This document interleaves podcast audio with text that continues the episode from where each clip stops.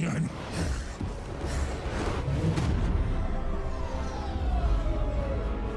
Let's go. Oke, welcome back guys. Welcome back to our channel. Kembali lagi ke channel NFT Artis ya. Ah, kita lagi-lagi keliling bahas NFT ya. Kemarin udah kita uh, interview beberapa pentas Indonesia gitu ya. Dan kini kita akan coba interview lebih dekat ya, maksudnya kepada perorangan yang enggak ter, melulu terhadap grup ya. Kita perkenalkan di sini salah satu NFT artis dari Mbak uh, ta, Tapung apa Tapang ya? Aku manggilnya ini. Tapang Tapang. Oh Tapang. Uh, itu nama asli atau enggak kan pasti kan? Nama aslinya boleh di share kalau boleh tahu? Enggak tahu. Ya? Uh, nama asliku Iren. Kalau orang Malaysia atau orang luar tuh manggilnya Irene. Terus kalau temanku namanya Kristi. Oh, Ini kan project project dua orang. Oh, project dua orang. Ya, ntar bisa share lah masa itu. Tapi Irene sendiri kan sudah ada kan, maksudnya ntar lah kita bahas lah masalah Irene Irene itu. Jadi ya sebelum masuk ke inti Pak, tak ada kata sayang dulu ya. Maksudnya gimana Mas Mbak masuk dunia kripto itu gimana terus uh, mulai NFT project Mbak yang tapang ini gimana? Uh, sebelumnya aku perkenalkan dulu nama saya Irene. Uh, saya creator dari Tapang Kia yang base-nya di pentas.io. Kalau soal kripto, itu pertama aku masuknya ke saham dulu, saham sama reksadana. Karena uh, kata orang kan kripto tuh agak-agak ngeri gitu kan. Ya. kayak nggak nggak terlalu kayak high risk lah. Yes. jadi uh, mainnya di saham sama di reksadana dulu. Terus ada teman nih pas pas BNB itu masih di tiga jutaan kalau nggak salah. Itu temen uh, kayak ayo ayo beli gitu. Cobain beli buat akun Binance. Masa itu masih nggak nggak terlalu berani masih kan namanya juga karyawan kan? Jadi uh, masih nggak terlalu berani. Cuma masuk kripto itu tahun lalu. Iseng-iseng aja sih. Kayak beli di bawah jual di atas. Habis itu lupa ya udah. Ya. Ter terus masuk ke NFT itu aku udah ngincer pentas itu di November 2021 aku udah tahu pentas itu uh, terus sama temenku kan ngomong ngomong-ngomongin lah ngomong-ngomongin NFT yuk kenapa nggak coba NFT aja? Gitu. Terus temenku nyaranin karena temennya temenku itu main di Kalamin Kalamin itu uh, blockchainnya Tezos. Jadi uh, pertama itu dia nyaran nyaranin ke Kalamin. Karena OpenSea kan gas fee-nya lumayan katanya gitu. Yeah. terus kalau pakai yang pakai yang free agak-agak susah katanya begitu Ya. Uh, jadi pertama tuh nyoba nyoba iseng ke Kalamin. Tapi karena kayaknya uh, komunitinya nggak terlalu seintensif pentas, jadi nggak gimana bisa nge-sell. Habis itu aku mutusin pindah ke pentas. Masuk pentas itu 11 Februari tahun ini.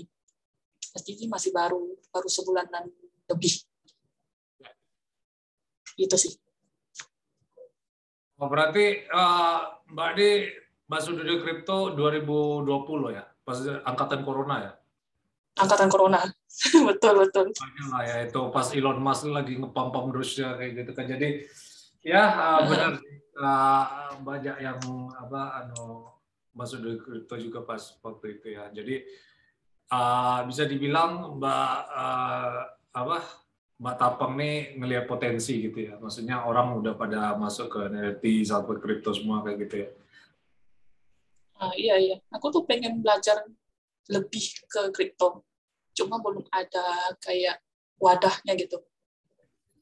Nah, iya, namanya industri baru kan ya itulah makanya aku kadang nggak setuju juga ya sama apa uh, ya bukan pemerintah juga sih, maksudnya sistem, sistem bukan pemerintahnya, tapi sistem pendidikan. Ya. Ini kan berlaku di, di dunia juga kan. Harus melewati akreditasi, harus melewati ini, harus ya lama. Ini eh, teknologinya udah adopsi duluan kan. Makanya podcast yang paling uh, apa uh, untuk masalah edukasi mah podcast apa yang itu paling uh, lebih uh, cepat adopsinya ketimbang kita harus uh, konvensional kan. Jadi ya I agree sih, maksudnya aku setuju sih yang Mbak bilang tadi sama Mbak Tapang tadi masalah edukasi itu yang agak kurang di Indonesia. Jadi kayak kita uh, misalnya belum tahu apa-apa tiba-tiba terjun aja gitu. Exactly. Kan nggak boleh juga. Makanya aku di sini salah satu bentuk edukasi lah. Jadi mbak nggak uh, apa nggak uh, kedatang datang ke tempat yang salah. Jadi ya iya, itulah. Yeah, yeah. Jadi uh, kita sama-sama ngerti. Nah terus Mbak bilang itu kan Mbak joinnya pas 2020 ya. Tapi Mbak Mbak sendiri yeah. bilang kripto uh, is aham uh, the aha momennya kapan Mbak? Maksudnya uh, crypto is not going anywhere. Maksud Mbak uh, maksudnya uh, Mbak menganggap ini industri yang Mbak harus tekuni kapan? Ya pas aku mulai kenal saham kan itu juga berke, ber, eh itu juga aku kenal kripto juga. Ya. Jadi kayak uh, kan kripto juga ada blue chip blue chipnya tuh. Ya. Jadi kayak uh, nyimpen nyimpen aja uang di situ terus dilupain. Kalau aku sih gitu karena aku orang awam. Iya, iya, iya, iya, inovasi apa sih? Ya nggak apa-apa. Maksudnya sharing pengalaman aja. Ini bukan not financial advice. Maksudnya uh-huh. just uh, entertaining purpose. Jadi ya benar sih. Maksudnya uh, exposure-nya apa, udah saham atau apa tuh ya kalau udah paham yang risknya lebih rendah. Jadi kalau udah tahu kripto harusnya dia sudah bisa mawas diri. Soalnya udah ini apa uh, ke risiko yang lebih rendah kan, walaupun returnnya juga lebih rendah. Jadi eh, saya eh, ngerti sih maksud Mbak. Cuman uh, ya itu tadi di Indonesia sendiri uh, shiftingnya itu ya sejak 2020 itu. Kalau Mbak pernah baca berita kan baru-baru ini kan Indonesia investornya uh, 11 juta malah uh, orang ini apa ke dunia kripto semua. Uh, enggak lagi di saham kayak gitu. Jadi ya makin terembrace sih uh, kripto ini. Tapi orang di sini masih nganggap embrace-nya uh, sebagai YPC ya, yang penting cuan ya. Tapi masih perlu banyak edukasi uh, karena ya fundamental is uh, the most important thing uh, ketimbang kita harus YPC gitu ya. Jadi ya benar sih yang Mbak bilang tadi gitu. Iya, ya betul. Ya, exactly. Dan jadi ya itu ya masalah apa uh, background dari Mbak tampang itu sendiri. Uh, sekarang kita masuk ke NFT-nya, Mbak. Uh, menjelaskan apa ini semua? Tadi Mbak bilang kan juga Airin kan. Nah, seperti kita tahu Airin sendiri kan ini kan apa uh, punya uh, Simdao itu yang dari Singapura kan influencer dari Singapura. Mungkin Mbak alasannya itu ya Mbak nggak mau Mbak Airin ya. Maksudnya uh, kan kalau misal Mbak ngasih nama air juga kan belum tentu bisa jadi kayak sekarang kan. Mungkin itu ya alasan Mbak nggak mau masang airin juga ya. Enggak sih kan karena ini proyeknya proyek aku sama teman aku. Ya. Jadi uh, kita mutusin pakai nama Tapang itu karena Tapang itu diambil dari daerah aku tinggal. Aku tinggal itu di Kalimantan Barat, Kabupaten Ketapang. Nah, jadi Ketapang itu, eh Tapang itu di shortcutnya Ketapang. Terus kalau Kia itu dalam bahasa Chinese-nya kayak anak kayak anak ketapang atau budak ketapang atau gitulah. Yeah. Kalau soal nama filosofi dari namanya tapang itu. Terus uh, project aku kan sama teman aku nih berdua. Teman aku jalanin project yang kucing gemuk. Karena itu diambil, karakternya diambil karena teman aku tuh agak-agak cabi sedikit. Jadi itu based on karakter dia. Jadi kalau kalau yang uh, aku sendiri itu yang kakak pang sama mama pang. Jadi itu karakternya bener-bener uh, menyerupai aku sama mamaku di dunia nyata. Jadi kayak istilah kasarnya tuh kayak ngejual diri sendiri lah di NFT. Exactly, ya nggak apa-apa ya selagi halal mah jualan NFT ya nggak apa-apa. jadi kalau yang Mama Pang itu mau ngangkat ngangkat series Asian Mom kalau yang kakak pang sama kucing gemuk yang mengikuti flow aja sih. Ada ide gambar di sini. Itu aja. Exactly. Oh jadi ini terinspirasi ya ini kan bareng sama temennya tadi kan terinspirasi dari keluarga juga ya. Maksudnya tadi bawa nama juga. Iya, iya. Terinspirasi dari dunia nyata lah, in real life. Iya. Terus NFT Mbak sendiri roadmap-nya seperti seperti apa? Maksudnya kan ini kan orang macam-macam kan, apalagi uh, eh, NFT-nya udah bawa-bawa binatang lah, maksudnya uh, uh, hype cat lah, apalah, maksudnya uh, kucing iya, lah, yeah, yeah. monyet lah, apalah. Mbak sendiri nggak terinspirasi bikin kayak itu ya? Mungkin ya ini kan beda-beda, makanya aku nanya tadi roadmap-nya seperti apa gitu kan? Iya ya, kalau yang uh, kakak pang, mama pang ini kan memang belum ada nih kalau yang kucing kan udah banyak nih. Jadi aku nyaranin ke temanku, kenapa kamu nggak buat kucingnya agak gemuk aja? Kan belum ada tuh. Di NFT ini, di Pentas belum ada. Jadi bilangnya begitu. Terus kalau roadmap aku itu uh, sam, mungkin sampai tiga, eh, PES 3. Itu total NFT-nya 277 totalnya. Total supply. Terus uh, kayak di PES 1 ini itu bakal ngeluarin 77 NFT dari total keseluruhannya tiga karakter itu. Terus uh, poin yang pertama yang aku buat itu uh, kayak giving back to community dari hasil beberapa income aku yang aku dapat dari NFT akan akan balik ke community. Terus yang kedua itu merchandise. Aku punya merchandise. Itu uh, kayak buku bisa dibilang buku novel dengan hardcover, tapi di dalam itu kertasnya kertas kosong. Jadi hardcover itu ntar bakal di print printing NFT yang holder beli. Tiga, kalau holdernya beli tiga, itu aku gratisin satu merch-nya. Terus kalau yang ketiga itu campaign. Kalau aku tuh dulu udah sering, eh, sebenarnya udah menjalani campaign ini. Campaign street feeding untuk stray cat sama stray dog. Karena menurut aku ya, ini menurut pribadi ya. Karena uh, menurut aku kalau untuk uh, yatim piatu atau panti jompo itu banyak udah banyak itu yang membantu. Maksud istilahnya istilah seperti itu istilah kasarnya. Udah banyak yang melihat tapi kalau untuk kucing anjing atau hewan-hewan liar yang di luar sana itu orang tuh banyak yang nggak ngeliat sih. Banyak yang pandang sebelah mata. Bahkan mereka aja nggak ngapa-ngapain aja disakiti gitu jadi aku lebih fokus ke hewan. Mungkin next time kalau ada lebih saya juga berbagi sama yang membutuhkan gitu.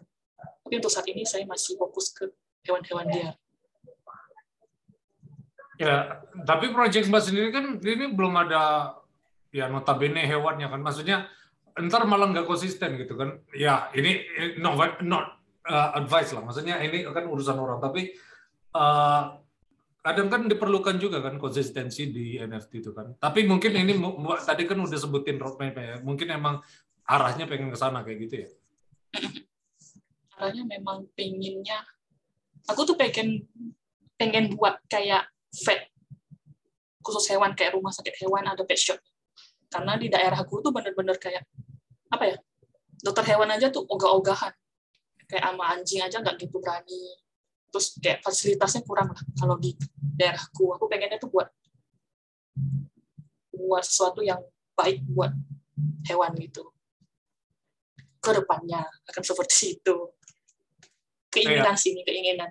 Ya exactly. Ya nggak apa-apa. Maksudnya ya ini kan nggak tahu ke depan kan uh, people yeah, yeah. maksudnya ada inspirasi ya tambahan tuh ada aja pas di jalan. Mm -hmm. jadi betul, betul. Uh, ya just enjoy the ride lah. Maksudnya sekarang kan masih early adopter juga kan kita. BNB juga hmm. belum maksudnya kripto juga belum booming lagi. Jadi untuk justru aku uh, orang ini bilang oh ini udah telat Gozali kemarin udah ini masih early sih menurut aku. Soalnya ya, ya orang masih belum banyak NFT tahu NFT Justru kalau misalnya anjlok, malah anjlok lagi kayak gitu ya. Itu saat kita building, maksudnya saat kita develop. Jadi pas meledak orang udah ngeliat project kita kan. Jadi ya itu. Makanya kita always, uh, uh, makanya aku kayak gini terus, always doing consistent hmm. is, uh, is the thing sih. Walaupun uh, ya ada bump road lah, maksudnya uh, ups and downs ada ada terus. Jadi Iya itu. Exactly sih. Terus uh, sesuatu Uh, yang project yang Mbak udah solve kemarin itu gimana? Termasuk roadmap tadi atau beda? ya termasuk. Karena aku udah sebagian udah giving back to community sama udah campaignnya juga merch-nya juga udah jadi. Cuma belum ada yang ngehop sampai tiga. Baru ada yang ngehop sampai dua. Nggak apa-apa apa-apa. Ini kan ya nggak nggak harus inilah mewah lah. Maksudnya namanya Ah. kita baru merintis kan. Justru kalau udah itu kan berarti notabene spesial kan ini kita uh, bisa maklumi lah Ya, nggak apa-apa nggak apa-apa. Ya jadi itu. Dari berapa tadi ya? Aku lupa. Aku ngedrop berapa. Sebentar. Total supply berapa? Total supply? Circulating supply? dua tujuh tujuh. Holder holder berapa holder? Holdernya bentar aku cek dulu. Aku lupa loh ya nggak apa-apa. Ini nggak ada urusan maksudnya. Eh, hol- holdernya sekarang ada 24 total NFT yang sold 26 dari dua eh dari 35 floor price floor price berapa? Price-nya dari 0,02 sampai 0,03 BNB ya lumayan sih maksudnya. Ya itu di dicari rasionya aja maksudnya uh, daily atau weekly kayak gitu kan compare uh, comparison. Uh, Mhm. rasio uh, full price per ininya apa uh, uh, circulating supply-nya sama holdernya. Jadi ya ketahuan numbers-nya ntar kan. Jadi ya itu ini aja sih maksudnya uh, formulanya. Ya cuman bisa dipakai mbak ada formulanya kan uh, bisa uh, terserah mbak. Jadi it's no advice lah. Maksudnya aku nggak bisa menggurui juga karena aku nggak terlalu terlibat di NFT aku cuma di sini menggather orang-orang yang uh, NFT artis. Jadi ya it's just the way it is. And ya itulah mungkin ya jadi ya seperti itu ya. Terus uh, berapa phase tadi mbak uh, NFT mbak tiga. Ada tiga atas. Oh tiga phase. Oh yang Iya. yang uh, whitelistnya di phase satu berarti ya? Oh nggak ada. Nggak ada whitelist. Iya, kontroversial sih whitelist. Ini ada yang bilang uh, whitelist ini uh, dari bentuk kolusi lah, soalnya dia belum ngeprint kan out of thin air. Tapi di sisi lain untuk ngebangun community, salah satunya dengan cara whitelist. Ya, ini unethical atau ethical kan ini or- pandangan orang beda-beda ya. Tapi iya. menurut Mbak di sini whitelist itu, nah bagi penonton yang belum tahu nih whitelist itu apa, terus uh, pandangan Mbak terhadap whitelist itu gimana? sebenarnya whitelist di setiap marketplace itu beda-beda sih ya eh, apa namanya pengertiannya. Cuma kalau untuk di pentas sendiri sejauh mata memandang whitelist itu ditujuin untuk pembeli awal. Kayak eh, project yang lagi booming gitu. Misalnya aku buat pre-order lah kayak gitu kan. ah ya ya biar nggak kehabisan lah intinya itu. Soalnya kalau aku itu awalnya masuk NFT langsung terjun tanpa apa namanya tanpa survei dulu. Itu kayaknya kesalahan pertama aku sih. Jadi kayak belum eh, nge- ngeriset pasarnya gimana harganya gimana yang harus aku masukin. Aku tuh masuknya langsung masuk aja gitu. Itu eh, kesalahan awal aku sih menurut aku. Itu kesalahan awal aku karena aku langsung main masuk tanpa ngeriset harga atau riset community-nya. Iya. pas itu kan pas itu juga nggak ada belum belum kenal sama ini sama teman-teman yang di Indonesia juga belum pada kenal. Jadi Iya. belum ada yang tahu tempat untuk bertanya gitu tapi kalau yang baru-baru ini masuk itu kayaknya lebih udah lebih enak karena community Indonesia-nya udah ada jadi udah ada wadah untuk bertanya gitu Ya. Mhm. Terus pandangan Mbak terhadap whitelist gimana? Tadi kan aku bilang kan, ya walaupun di satu sisi kayak pre-order kayak gitu ya, jadi kita loyalitas terhadap ini ya kreatornya. Tapi di sisi lain kalau Mbak pernah lihat kayak ICO gitu ya, jadi kalau misal dia udah live eh, nggak eh, pre-order lagi kayak gitu ya, nggak mau whitelist lagi, tinggal dumping user. Jadi ya eh, apa ya, maksudnya dia cuci gudang aja kita jadi tim cuci piring maksudnya ya eh, exit liquidity lah. Kalau misal NFT ini kan harus kita jualnya tuh harus exact eh, sama satu orang ya kan. Misal kayak Iya. jual eh, apa lukisan lah eh, atau jual rumah kayak gitu kan. Nggak liquid kan harus penemu satu orang ya kan. Nah itu yang jadi masalah sama whitelist nih. Menurut Mbak sendiri ya ini terbebas. Maksudnya there is no pros and cons soalnya peraturannya juga belum ada kan. Maksudnya uh, menurut yeah, Mbak di sini uh, gimana? Menurut pandangan Mbak? Uh, kalau ada sendiri ini ya aku tuh kemarin ada uh, nemuin kasus. Banyak orang itu meng mengerti whitelist itu dapat pre-order dengan harga yang lebih murah dari full price-nya ya banyak orang yang ngertinya seperti itu. Kalau aku dapat whitelist nih, aku dapat bisa beli NFT dia di bawah harga price dia. Itu satu. Uh, yang kedua itu banyak orang membuat whitelist ini gimana ya kayak uh, bukan ngecat ya ini ya maksudnya NFT iya, NFT, uh, NFT kayak dia itu baru baru ya baru terus udah ngadain whitelist dan kayak whitelist itu nggak ada nggak ada fungsinya gitu. Menurut aku pribadi. Kayak uh, aku aku masih bisa kok beli masih banyak kok. Misalnya kalau dia dia nggak dropnya 50 lah. Di whitelistnya nggak semua. Kayak cuma bisa beli di awal-awal aja deh. Biar NFT dia yang dia suka itu nggak dibeli sama orang. Cuma itu aja sih itu rada-rada maksud saya rada-rada nggak perlu mungkin mungkin ya. Ya exactly ya there's no ya uh, apalagi kalau dia ini kan pakai pakai wallet dia yang lain kan. Maksudnya ya kan wallet kan bisa eh, berapa banyak. kita iya bisa ngepam ini kita sendiri. Jadi iya iya. ya kayak gitu jadi kok, uh, ya aduh aduh lah ini makanya. Iya iya benar aku soalnya pernah kena sekali. Itu akibat tidak kurang membaca. Kan ada satu uh, orang itu ngadain giveaway whitelist. Aku kirain giveaway NFT-nya. kurang oh. membaca gitu. Pas itu kan belum ngerti WL WL itu apa sih gitu loh. Ya, Jadi pas pas aku udah dapet nih, eh menang nih dapet. Dia di DM aku suruh uh, bayar. Dia bilang aku put satu BNB, kamu over aja berapa? Itu sesuai forecast dia. Gitu. Jadi aku kira aku aku search kan itunya apa namanya accountnya. Oh banyak nih yang beli gitu loh. Banyak yang beli nih kayak full lah yang beli gitu. Jadi eh boleh nih kan coba-coba dibeli. Udah beli, aku kira itu gampang ngeflipnya. Kayak ngeflip lagi. Ngejual balik tuh gampang. Tahu-tahu sekarang nggak kejual-kejual. Makanya itu nggak liquid. Jadi, ay, Gua tahu yang yang paling terkenal kan yang project yang drop itu tahu nggak? Yang batu itu ya jadi ini apa? Langsung goes to zero overnight. Wah, nggak tahu ya saya belum belum. Eh, coba ya cari aja ntar uh, ini apa videonya Joma Joma Joma Tech Trader. Jadi dia oh, ini apa bikin video meme-nya kan. Tahu kan mm -hmm. uh, Joma Opa tuh yang Joma Tech itu? Mau lihat mukanya sih saya kalau itu. Oh channel, iya channelnya namanya Jomatek. Dia bikin video terbaru tentang NFT drop gitu. Jadi intinya ya itu apa kalau exit liquidity itu ya jadi kalau yang beli di pucuk udah udah di cuci piring nggak balik-balik lagi itu udah pastikan lebih lebih jahat dari rakpul itu. Soalnya kalau rakpul itu kan masih mending lah, masih bisa apa namanya ngelihat uh, akun wallet kita apa apresiasi nilainya kan walaupun nggak bisa ditarik juga kan.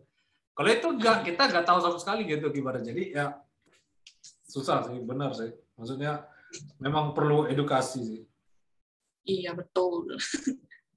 Pas itu saya memang kurang edukasi karena tidak tahu apa-apa waktu awal-awal kan. Ikut. It's only matter of time lah. Jadi ya itu ya mm-hmm. mungkin uh, perbedaan dari whitelist dan uh, anu asli. Mungkin yang uh, iya, iya. eh, berlomba yang uh, praktisi gitu ya. Maksudnya uh, kalau Mbak disuruh milih whitelist atau enggak, Mbak? Maksudnya ini kan preferensi kan. Maksudnya uh, kalau Mbak sebagai kreator lebih milih whitelist atau enggak atau sebaliknya atau Mbak sebagai pembeli lebih milih whitelist atau enggak? Bisa di elaborate masing-masing. Hmm. Mungkin ya kalau aku udah di atas di atas nih di atas itu whitelist bisa jadi benefit untuk holder. Itu bisa salah satu jadi poin untuk benefitnya kayak. Itu sebagai kreator ya? Itu sebagai kreator. Ya, itu sebagai kreator. Itu kayak kita bisa jadi whitelist buat benefit ke holder. Kalau kita udah di atas. benar-benar di atas di Eh, Itu bisa. bisa. Ya, nggak apa-apa ya. Ini Hmm. ya, bebas. Itu- itu mungkin baik baik sih kayak ah benefit to holder aku nih bisa dapetin NFT aku tanpa berebut sama yang lain itu boleh kalau sebagai kolektor nih eh, kalau kolektor ya mungkin males buat ngejar-ngejarin whitelist orang kalau kolektor eh kalau kolektor betul betul kalau kolektor itu Kalau malas kolektor sih ya. sebenarnya kalau males sih sebenarnya kalau mau ngajarin whitelist orang. Kalau aku pribadi ya, aku tuh orangnya simple. Jadi aku Ya, malas benar. yang ribet-ribet. aku malas yang ribet-ribet. Aku maunya tuh, eh, eh aku suka nih aku beli. Bukannya aku suka, aku nanya, aku ikutin whitelist kamu, nunggu lagi baru dapat Iya sih. itu.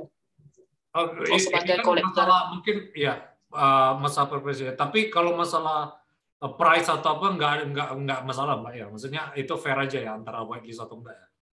Iya sih, fair aja sih, terserah sih. Mungkin kan eh, pendapat orang beda-beda. Exactly. Iya. Ya nggak apa-apa. Makanya, makanya aku nanya tadi kan iya. Iya, pendapat orang beda-beda. Mungkin itu baik, mungkin itu juga enggak gitu. Ya. Tapi kan banyak sih yang membuat whitelist ini banyak banyak sekali. Cuma itu eh, kebanyakan sekarang orang-orang yang buat whitelist itu orang-orang yang baru terjun ke NFT. Terus banyak orang juga yang enggak belum teredukasi gitu loh. Kalau aku ikut whitelist nih, aku kudu harus beli kalau aku menang. Banyak orang yang belum teredukasi soal itu. Kayak misalnya aku nengok lihat ini dia ada giveaway whitelist, ikut ah gitu. Terus menang. Belum tentu yang pemenang ini ada eh, saldo buat beli NFT-mu. Itu itu salah satu poin yang banyak sih terjadi di di dunia NFT ini. Kayak dia menang whitelist tapi nggak bisa beli. Sedangkan spot dia itu udah diambil kan. Kayak kita mau nge sebagai kreator tuh mau ngedraw ulang kayak rada rada gimana gitu sih. Sebenarnya soal edu- edukasi edukasi aja. Ah, ya nggak apa-apa lah ini preferensi lah. Tapi ya benar ya Mbak itu fondasi fundamental sama NFT emang harus kuat kokoh dulu sih. Soalnya kalau enggak ya kucing dalam karung lah. Maksudnya yang dibilang investasi bodong tuh kan apa pun investasinya kalau misal kita nggak ngerti itu udah bodong itu terlepas dia instrumen apa kayak gitu ya. Misal kita beli rumah nggak tahu rumahnya di mana ya bukan berarti rumahnya salah kan. Tapi ya Iya benar betul. investi investasinya itu bodong gara-gara kucing dalam karung tadi. Jadi Iya. ya exactly yang Mbak bilang tadi eh, aku eh, agree, maksudnya aku sependapat eh, sepenuhnya sama Mbak tadi. Terus eh, dari ini lagi eh, switching topik ke ke gears. Maksudnya eh, switching gears. Tadi udah bahas masalah whitelist ya, udah agak lengkap juga ke komprehensif juga. Sekarang ke masalah ini, Mbak, yang tadi Mbak Frisil nge-share di grup gitu ya, di DM gitu. Masalah uh, ya ini kan nggak ta- nggak tahu ya dunia decentralized semua ya. Uh, cara nentuin NFT scam atau enggak itu uh, dari Mbak kan praktisi kan, jadi seenggaknya punya experience lah. walaupun uh, Mbak nggak terlalu ngeklaim sebagai expert kayak gitu ya, tapi sebagai praktisi uh, melihat scam atau enggak itu gimana? Scam ini dalam hal apa ya rak- rakpol kah? Scam dalam arti uh, NFT-nya tuh uh, imitasi kayak gitu. Maksudnya kayak Oh kayak di, kayak dia ngambil karya orang lah. project itu, iya dia ngambil foto Hmm. terus dijadiin. Terus sama ini juga sih apa orang nge-DM minta email kayak gitu kan untuk visi Oh. itu salah masuk juga ya. Exactly, maksudnya uh, cara how to spot uh, uh. Oh, oke oke. Nah, satu itu lihat bagaimana cara dia berbaur sama community. Itu satu. Nah, dua itu lihat kan sekarang kayaknya sih nggak menjanjikan juga sih. Kayak kita bisa ngecek kayak pakai Google Lens, Google Lens karya dia. Biasanya ada muncul di Google atau apa gitu. Terus bisa nanya ke teman juga, ini menurut kalian gimana ya? Ini, Kalau kita mau beli ini, menurut kalian gimana ya ini ya? biasa kan kalau ada yang mereka karyanya bagus tapi harganya tuh murah kayak nggak masuk akal nah, itu bisa jadi poin juga soalnya kan eh, kita tahu karya kita bagus kita nggak mungkin taruh dia itu under value itu si poinnya. Terus uh, sebenarnya ya hal seperti ini itu susah untuk diterka. Kalau aku, ya, aku nanya tadi ya. Karena uh, saat ini mungkin dia berbaur sama community. Ke depannya kita nggak kita nggak tahu dia bakal ngapain gitu loh. ya. ini sih. Kalau yang soal uh, minta email buat ngasih apa tuh? Ngasih ya. ngasih apa tadi? Apa tadi yang Mbak uh, Rachel share tadi ya? Komisi apa nggak salah? Dia, Komisinya? Uh, bentar aku uh, scroll dulu uh, sambil scroll. Uh, uh, uh, Intinya jangan pernah mengeklik link apa pun yang dikirim ke DM kita. Terus jangan sembarang ngeklik ngeklik link kalau nggak jelas itu. Iya. Iya, dia minta email untuk uh, some sketches terus uh, ya intinya aku coba aku, aku bacain ya ini ya. I have uh-huh. some sketches that I drew myself and also took examples already arts of some other artists. I made small terms of reference for you. Can you read it? Can you give me your email? Katanya kayak gitu. Mm -hmm. okay. Karena email kan penting buat buat apa ya kayak induk induknya dari segala hal kita tuh ada di dalam email. Jadi ya, ya email itu rentan. Makanya di Web3 itu sebenarnya kalau eh, dia minta email kan, di Web3 kan nggak perlu email. Maksudnya kita login ya, apa ya. pakai MetaMask kan. Betul, betul. Terus uh, eh, INS kalau misal Mbak ini kan hmm. di kan sama uh, Seaway kalau Mbak tahu di Ethereum juga. Jadi ya kayak gitu lah. Jadi uh, agak ini sih kalau dia minta email tuh agak ya bukannya berarti kita nganggap dia juga ya tapi mm-hmm. uh, agak cross the line lah. Maksudnya uh, enggak betul betul. Ya. email itu ibarat kata nomor HP kita. Betul itu. Nah, iya. terus uh, kayak mirip-mirip nomor HP kita. Sama kalau aku ya kalau aku itu misalnya aku ngolek punya teman kita di, di pentas nih aku bakal mintain kayak high quality-nya Arvia terus aku yang nyodorin email aku sendiri ke dia. Yes. tapi email ini memang email yang enggak maksudnya nggak digunain untuk apa pun cuma untuk menerima art-art dari mereka itu iya sih. Aku juga Jadi, ada email yang khusus untuk spam doang isinya ya. Tapi iya, ya betul. Uh, ini preferensi orang lah. Kita kan uh, nggak nggak tahu lah ya. Maksudnya level security dia gimana kan. Justru yeah, kalau yeah. too many email kalau terlalu banyak email malah dia suka lupa password atau apa lupa email kan. Hmm. ya ini penyakit orang kan apalagi tua kan pengen simple kan. Jadi betul tuh. makanya uh, dibikin web3 ini jadi tanpa perlu email kita bisa login ke wallet kita. Jadi loginnya tuh melalui Ethereum atau apa kayak gitu jadi ya memang itu sih uh, revolusi selanjutnya ya mungkin itu ya masalah scam udah kita bahas switching gear sedikit uh, uh, jadi Uh, Mbak sendiri uh, dalam proses ini ya, apa ini uh, bukan NFT-nya tapi ke prosesnya, pakai apa Corel atau apa uh, aplikasinya atau apa? Soalnya ini orang ini kan uh, yang baru awam kan perlu pelajari uh, macam-macam aplikasi gitu, Photoshop atau apa? Oke, okay. aku itu kerja NFT full semua dari HP, HP Android jadul. Iya, eh, aplikasinya semuanya apa? Uh, Ibis, Ibis Pen, Ibis Pen. Ah. Ibis Pen sama itu CapCut untuk buat animasinya gitu. Semuanya dari HP. Karena kan kalau orang-orang tuh mau memulai sesuatu, ini aku diajar sama temanku sih. Temanku bilang itu kamu mulai aja pakai apa pun dulu yang kamu ada. Jangan beli yang mahal-mahal dulu, yang murah-murah aja. Yang penting bisa ngasilin karya, bisa ngasilin uang buat kamu beli hal eh buat upgrade device kamu ntar gitu. Jangan nunggu sampai ada device yang mahal buat mulai sesuatu, apa pun itu. Ya sih sama sih. Maksudnya Mbak dulu juga kemarin juga kan sempat nyebutin punya akun YouTube, terus juga dijual akun YouTube-nya sama ya, akun. Betul. uh, bikin YouTube awal-awal juga ini ya, walaupun sekarang belum monetis juga ya, tapi uh, ada aku asal bikin aja pas di awal masih ada video pertamanya kalau pengen lihat. Jadi benar-benar dari kamera laptop buram kayak gitu ya mulai aja dulu tapi. Aku juga bikin YouTube nih ada dari akhir 2020 lah. Sebenarnya aku pengen dari lama juga dari 2019 atau 2018 kan. Cuman ya aku masih ada tekanan batin lah maksudnya belum terlalu siap lah untuk mengedukasi orang kan. Tapi 2020 aku udahlah aku yang penting inilah yang penting jalan lah kayak gitu betul memulai. Yang penting mulai aja lah dulu. Ya mulai aja ke depannya dulu. Oh, ke depannya gimana? ya tagline siapa tuh? Startup mana tuh? Kita mulai aja. Ya, mulai aja dulu. Ya malah ini. Mbak mau share screen ininya tutorial sedikit masalah ini atau nggak perlu? Uh, Apa masalah uh, NFT-nya gimana cara bikinnya? Cara bikinnya ya? Eh, soalnya ini saya lagi di komputer teman sih. Nggak ada metamask atau apa jadi oh ya udah ya bisa nggak gimana share ya maybe next time lah part 2 lah kalau misalnya kita collab lagi gitu. ya boleh boleh. Tutorial uh, masalah MetaMask.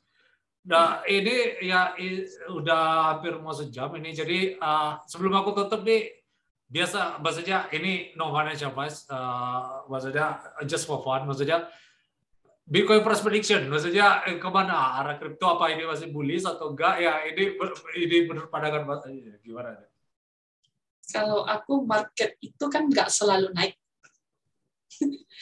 Nggak selalu naik tapi bakal naik itu bakal naik bakal baik ke depannya. Kayak istilahnya kayak saham gitulah. Intinya jangan terkecoh sama yang lagi booming sama lagi yang lagi kayak istilah kayak koin micin itu loh. Karena koin micin itu kayak Tapi- high risk high high high high-nya. Ya. mending eh, main yang aman pasti nah itu sih kalau kripto mah pasti naik Ya. turunnya turunnya juga ada tapi naiknya pasti Ya, benar. Jadi itulah. Jadi ya mungkin itu uh, nggak ada spesifik price uh, BNB atau Bitcoin ke arah mana. Maksudnya ya ini Oh. just for fun aja. Maksudnya Bitcoin uh, satu tahun ke depan kepada Bitcoin satu miliar atau dua miliar atau gimana. Ya ini just for Sat- hmm, satu m tuh kayaknya pasti karena dia kan udah pernah eh, nyentuh nyentuh hampir nyentuh kan ya, Kalau nggak salah. 900, 980. Uh, itu udah pasti terus kalau BNB BNB ini jujur aku kurang kurang ngikutin jujur aja aku kurang ngikutin jadi Ya, nggak apa-apa, ya, just for fun ya. Hmm. Tapi kan Kalau banyak di BNB juga kan. Tapi ya secara Iya. nggak langsung uh, Mbak uh, bisa ngikutin harga BNB juga ntar. aku tiga sih paling bi- itu BTS Bitcoin BNB sama Ethereum kalau Ethereum mah pasti nyentuh satu juta lah pasti itu Iya. kalau kalau Bitcoinnya satu m Iya sih benar. Ya, eh, ya itu inilah hukum alam lah. Kalau Bitcoin naik semua naik. Kalau Bitcoin anjlok semua. Anjlok. betul, ya betul, betul. itu sih masalah apa uh, cycle dari Bitcoin. Kalau Mbak tahu Bitcoin cycle itu kan kayak empat tahun sekali. Apalagi Mhm. halving 2024 Bitcoin supply-nya di di cut setengah lagi. Jadi eh ya itu kalau supply makin dikit, demand sama aja, nggak perlu demand-nya naik. Maksudnya demand sama aja, itu harga udah naik pasti. Mathematically go up gitu. Number go up teknologi itu Bitcoin. itu. Makanya aku betul betul no financial advice lah, tapi aku udah 100% sih di Bitcoin. Jadi ya ya itulah.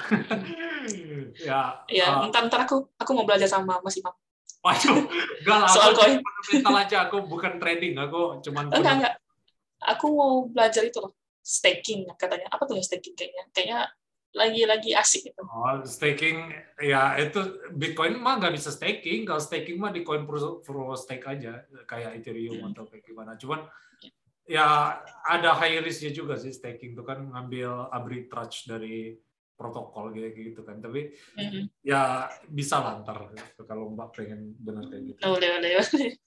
aku tuh pengen belajar belajar kripto cuma belum ada yang Ya, Karena wadahnya di, gitu di grup lah, ya di grup Telegram ada kami. Cuman terlalu aku kalau kalau mbak tahu culture di kripto ini kan banyak kan ada GM, ada Degen, ada Ah.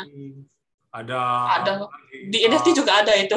Wakmi, Wakmi, ya Walkman. Iya, ada ada. Nah, ada, iya ada. di di kripto sendiri ada culture-nya maxi, maksimalis. Jadi Apa itu? selain selain dari maxi itu dianggap shitcoin loh. Jadi Mbak harus tahan mental aja ya kalau misal eh, apa Bitcoin ini kan terkenal maksimalis ya kan. Maksudnya Bitcoin maksimalis. Jadi eh, selain dari Bitcoin itu shitcoin. Makanya walau Hmm. apa aku aku ngajak podcast NFT kemarin banyak dikritik sama Bitcoin OG ngapain ngajak NFT kayak gitu ya aku bukan berarti aku defend NFT-nya, aku defend orang yang uh, create NFT-nya kan beda kan itu kan. Jadi Iya, iya. uh, ya kalau orang make money aku happy, tapi kalau orang mengkultuskan itu bahwa itu lebih baik dari Bitcoin, nah itu yang aku sikat itu. Aku nggak bisa anggap teknologi dia lebih baik dari Bitcoin, aku nggak bisa kayak gitu. Jadi Iya, karena Bitcoin itu induknya. Iya makanya, jadi orang yang jualan kan ada influencer sebelah kan sampai dia kayak pengkultusan lah, Ma- maksimalis itu kayak pengkultusan lah. Maksudnya eh, apa nganggap koinnya itu yang terbaik, lebih baik dari Bitcoin saking dia halunya Iya. kayak gitu kan. Wah Kalau Bitcoin Bitcoin- koreksi satu persen aja, dia udah anjlok 10 persen. Ya kayak Betul, gitu betul. kan. Heeh. Bitcoin itu IHSG-nya saham. Makanya aku nggak nggak habis pikir orang kayak ya aku ya bukan makanya aku edukasi orang juga. Jadi orang on board yang baru ini kan makanya aku kurang setuju juga sama Mas Malaysia yang bilang "Eh, nggak perlu eh, apa eh, ngomong ngabisi waktu aja ngobrol sama shitcoiner tapi tapi kan untuk on board orang baru kan butuh orang yang dari shitcoiner ini kan maksudnya audiens Iya. kan untuk dia Betul, belajar betul. tentang bitcoin kan kalau Betul, sesama yang ngerti bitcoin ya buat apa lagi belajar kayak gitu kan Ya, kan namanya juga mengedukasi. Iya makanya jadi ya itulah aku kayak kayak gini nih eh, salah satu bentuk aku edukasi peer to peer kan. Aku Mhm. ngobrol podcast ini kan satu orang sama satu orang kan. Jadi benar-benar peer to peer sih. Nggak ada insentif nggak ada apa. Tapi ya it's uh, it's just me lah. Maksudnya ntar kita bahas uh, lebih dalam lah. Kalau Mbak pengen langsung masuk ke join Telegram aku aja ntar aku invite kayak gitu ya. Oke, oke, oke. Nah ya sebelum Sip, sip. penutup nih satu lagi nih Mbak, Eh, eh, Mbak eh, nggak mau ini ya, maksudnya eh, amin-amin lah kalau pentas ada gimana kan. Maksudnya platform lain kan kemarin ada bahas cross, cross platform juga. Aku nggak pengen bahas cro- cross platformnya, cuman preferensi Mbak terhadap eh, misal eh, pentas ada apa-apa gitu, kemungkinan terburu aja kayak gitu. Kalau pentas ada apa-apa, kemungkinan terburuknya kan intinya apa yang kita sudah dapat nggak bakal hilang. Yes, Kan di, di MetaMask. Jadi ya paling ya second plan-nya marketplace lain aja. Harus udah ada sih sebenarnya. ya benar. Kalau pentasnya ada apa-apa juga sebenarnya nggak ngaruh sih. Paling karya kita aja yang nggak ada hilang gitu. Iya, ke mana-mana. Tapi kan eh, yang perlu dikhawatirkan kalau MetaMask-nya kenapa-napa itu. iya. Marketplace itu kan kayak inilah apa eh, sosmed lah kan. Jadi lagi kita apa ya walaupun sosmed kita nggak bisa pindah yang mana ya. Makanya Web3 ini uh, masih kita nyimpan data dari kita bisa akses di tempat lain. Jadi uh, benar yang bilang tadi uh, nggak perlu khawatir kalau misal uh, marketplace pentas apa obsolete atau kayak gimana kayak gitu ya tetap ada ini tapi kalau masalah network effect uh, bangun kayak sosmed kayak gitu kayak Twitter atau kayak gimana ya butuh waktu juga sih untuk orang Iya. recognize itu uh, nggak betul, user atau kayak gimana. Jadi ya it's only matter of time sih benar yang Mbak tadi. Yaudah, I think that's it, Mbak. Maksudnya udah sejam juga. Uh, thank you for coming. Uh, it's been honor to be here. Uh, jadi uh, ntar aku bakal share link deskripsi ya mengenai project dari Tapangkia. Support terus uh, artis dalam negeri. And leave a like and subscribe to our channel ya.